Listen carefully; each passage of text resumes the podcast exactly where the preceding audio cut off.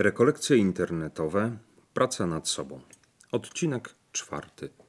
Jak pracować nad sobą? Czyli o byciu generałem i sprzątaniu. Zapraszam. Przy mikrofonie ksiądz Wojciech Pal. Powiem szczerze, że im dłużej jestem księdzem, tym bardziej nieodparte mam wrażenie, że spory problem w pracy nad sobą jest przy postanowieniu poprawy, zwłaszcza mocnym to właśnie postanowienie poprawy jest odpowiedzią na pytanie, jak mam pracować nad sobą. Postanowienie poprawy rysuje przed to, tobą horyzont, w kierunku którego masz iść. Podążasz nie w stronę jakiegoś ogólnego celu, jak już mówiliśmy przy motywacji. Cel jest konkretny, nowy, lepszy i bardziej święty ty. Ale to nie stanie się tylko siłą woli, że będziesz bardzo chciał taki być, jakiego sobie sam siebie wymarzyłeś. Praca nad sobą to nie jest siła sugestii, to nie wmawianie sobie, ani żadne inne hasło motywacyjne opowiadane światu i wmawiane sobie z taką częstotliwością i siłą, że z czasem sam w nie już wierzysz. Praca nad sobą to konkret, plan. Mam wrażenie, że postanowienie poprawy jest traktowane po macoszemu, niedoceniane jako element zdrowne, zdrowej i efektywnej pracy nad sobą. Element niedoceniany, a przecież nieodzowny. Wielu ludzi chyba w ogóle kiepsko robi postanowienie poprawy. Też czasami widzę to po sobie. I myślę, że jeśli by dopytać, jakie masz postanowienie poprawy, to wielu odpowie, żeby być lepszym. To znaczy w czym? No tak ogólnie, we wszystkim. I tu tkwi pierwszy problem. Nie da się być od razu lepszym we wszystkim. Praca nad sobą to nie hurtownia. Spowiedź to nie magazyn, gdzie nagromadzono towaru na półki, regały oparto o ściany i rzucono na podłogę, i teraz w kilka chwil masz to ogarnąć i zrobić porządek. Nie. Praca nad sobą to systematyczny i logicznie uporządkowany proces, z akcentem na logicznie uporządkowany. Co to znaczy? Po pierwsze, to, że masz pracować nad sobą w detalu, a nie w hurcie. Zatem wybierz sobie jedną kwestię, jeden grzech, jedną wadę jedno zachowanie, jedną pokusę.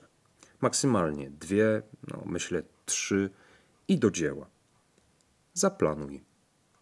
Zabaw się w taktyka, bądź strategiem, który opracowuje plan działania. Nie bój się być generałem, odpowiedzialnym za ruchy wojsk, za odparcie wroga i rozmieszczenie własnych oddziałów. Nie bój się pomyśleć, podjąć decyzje i kroki. O co chodzi? O to, żebyś zaplanował sobie dokładniej to, nad czym będziesz pracować. To ma być konkret. I teraz dla przykładu. Jeśli chcesz pracować na przykład nad modlitwą, bo ci nie idzie, to nie planujesz tylko, żeby się więcej modlić. Nie o to idzie. Pamiętaj, że paradoksalnie w tym przypadku idziemy na ilość, a nie od razu na jakość. Co to znaczy? Zobacz, Najważniejszą rzeczą w modlitwie jest to, żeby ona po prostu była. Masz być wierny w modlitwie. Masz się codziennie modlić choćby chwilę, a nie raz na tydzień przez godzinkę. Nie długie uniesienia, ale codzienne spotkanie. To ma być plan.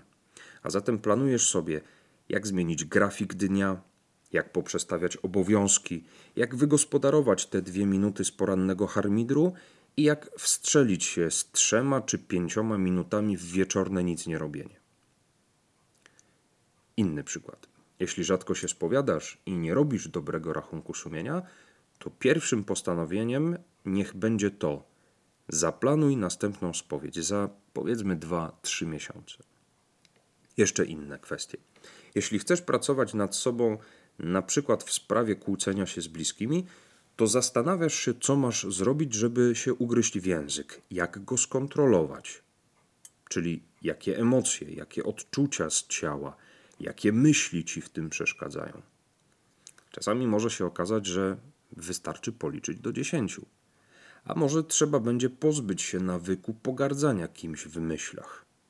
Może też okaże się, że zaplanujesz sobie chwilę relaksu przy herbacie po przyjściu z pracy, żeby pozbyć się napięcia i nie, jak to się mówi, nie przenosić pracy do domu. A może też trzeba będzie przypatrzeć się i rozminować na przykład złość na teściową. Jeszcze inny przykład. Planujesz wziąć się za swoje lenistwo, albo obiadanie się, albo marnowanie czasu, czy niesumienność. No, wtedy masz podgórkę, bo pewnie wiesz, że nikt łatwiej ciebie nie usprawiedliwi niż ty sam. Nikt nie znajdzie lepszej wymówki niż ty sam. Więc praca nad sobą będzie wymagała wymyślenia systemu kontroli albo poproszenia, żeby żona ci pomogła, bądź zaangażowania w pracę nad sobą męża. Jeszcze inny przykład. Chcesz mniej narzekać albo mniej zazdrościć. Tak sobie myślę, że wtedy zaproponowałbym ci nie tylko wymyślanie czegoś, co masz zrobić, ale także znalezienie jakiegoś antidotum. No tak. Powiem szczerze, że bardzo często lubię to podkreślać. Praca nad sobą i mocne postanowienie poprawy to nie tylko wybieranie czegoś do zrobienia, to także nauczenie się czegoś nowego, wyuczenie się nowego nawyku, zmiana sposobu reagowania, myślenia i tym podobne. Mocne postanowienie poprawy to także wiele razy zrobienie czegoś, co na pierwszy rzut oka nijak ma się do problemu głównego. I w tym przypadku, przy tej zazdrości czy narzekaniu, powiedziałbym ci tak: spróbuj codziennie albo przynajmniej raz na tydzień podziękować za innych ludzi, ale nie za bliskich, bo to jest łatwe. Za takich, których zauważyłeś na ulicy, obok siebie, obcych czy dalszych znajomych. Podziękuj za to, co zrobili, co zauważyłeś u nich, co cię w ich zachowaniu zachwyciło, co widziałeś, że było dobre. I wtedy zobacz, uświadomisz sobie, że wdzięczność i zachwyt nad dobrem leczą twój pesymizm, twoje narzekanie. Ale przede wszystkim zaczniesz patrzeć na świat tak, jak patrzy Pan Bóg. Będziesz widział więcej dobra. Bo chrześcijanin, jak mówiliśmy, ma nie tylko usuwać zło, ale jeszcze, a moim zdaniem przede wszystkim, pomnażać dobro. Kiedy wybrałbyś postanowienie, żeby nie czuć do kogoś złości, to pewnie zapytałbym ciebie, ile masz w sercu nienawiści. I nie kazałbym ci liczyć do dziesięciu, ani nauczyć się wychodzić z pokoju po półobrocie napięcie, lecz zaproponowałbym ci zabranie się za sprzątanie. Powiedziałbym, wyrzuć z serca tę nienawiść. Jeśli tego nie usuniesz, to nie będziesz w stanie wprowadzić w to serce życzliwości, nie mówiąc o miłości. Nienawiść jest jak pasożyt, jak tasiemiec. Jesz, a on cię podjada. Karmisz się dobrem, a złość je zżera. I wtedy nieważne ile modlitw odmówisz, ile godzin wyklęczysz w zimnym kościele, wzdychając i achając przed świętymi obrazami, każde to dobro zeżre nienawiść. Dlatego wpierw musisz się odrobaczyć. Musisz usunąć pasożyta. Przestań więc w myślach powtarzać dialogi, w których się z tą osobą kłócisz. Przestań, no i powiedzmy sobie szczerze, to będzie bolało. Przestań hodować w sobie poczucie pokrzywdzenia. Nie hoduj w sobie wrogości, bo to dziki pies, który obraca się i kąsa rękę, która go karmi. Czasami ludzie mówią, proszę księdza, no ale jak to zrobić, skoro złoszczę się na tę czy tamtą stronę sceny politycznej, na tego czy tamtą sąsiadkę? Nienawidzę sąsiada, kolegi z pracy, a szefa to bym najchętniej. Uch, przestań czuć się pokrzywdzonym. Porzuć to. Dopiero wtedy będziesz w stanie wybaczyć. Dopiero wtedy pasożyt, który cię wierci od środka, zacznie obumierać. Bo osłabiona nienawiść i złość zacznie kruszeć. Nienawiść jest chorobą, więc potrzebujesz na nią lekarstwa. Miłość leczy. Ale nie głaskaniem po główce i udawanymi słowami i uśmieszkami. Miłość to nieraz niezła terapia wstrząsowa. Tak cię porazi prądem, że głowa mała. Kiedy uświadomisz sobie, że hodujesz w sercu nienawiść i poczucie wyolbrzymionej krzywdy, kiedy zobaczysz, jak trudno przestać się użalać nad własną, przesadnie przeżywaną krzywdą, wtedy cię zaboli. No i teraz jeszcze, jak to zrobić? Ja często podpowiadam tak. Usiądź sobie na 10 minut i zastanów się. Nawet napisz sobie na kartce, jeśli musisz. Powiedz tak. Panie Boże, widzę to tak, że skoro chcę popracować nad tym a tym, to muszę zrobić to i to. Żebym już nie popełniał tego a tego grzechu, to teraz nie będę robić tego i tego. Panie Boże, zrozumiałem, że skoro łamie mnie pokusa do tej czy innej sprawy, to muszę usunąć tę pokusę i dlatego nie oglądam telewizora, nie włączam komputera, nie chodzę na plotki przez tydzień i tak dalej. I zobacz, jakie genialne przy, przykłady mamy pracy nad sobą w Biblii. Na przykład Zacheusz, celnik, kiedy się nawraca, mówi, jaki ma plan. Połowę mego majątku daję ubogim, a jeśli kogo w czym skrzywdziłem, zwracam poczwórnie. To jest 19 rozdział Ewangelii według świętego Łukasza. Wcześniej w 15 rozdziale przypowieść o synu marnotrawnym. Syn marnotrawny układa sobie plan i mówi: Zabiorę się i pójdę do mego ojca i powiem mu. To jest właśnie mocne postanowienie poprawy, konkretne, a nie takie chcę być dobry, chcę być lepszym. Konkretnie, co masz robić? Połowę majątku, jeśli kogo skrzywdziłem, zwracam poczwórnie. Zabiorę się, pójdę, powiem. Konkretne e, wskazówki, konkretne kroki. I jeszcze jedna rzecz. Pamiętaj, że nie jesteś sam.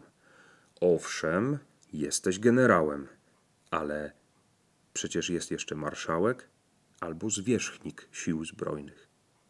Tym kimś jest dla ciebie Pan Bóg. A zatem nie planuj wszystkiego sam z kartką i długopisem i z mapą, skąd atakują cię pokusy. Z tym, co wymyśliłeś, zaplanowałeś, przyjdź do Pana Boga. Pokaż mu swoją strategię. Pochwal się opracowaną taktyką i poczekaj. Może Pan Bóg od razu ci coś podpowie.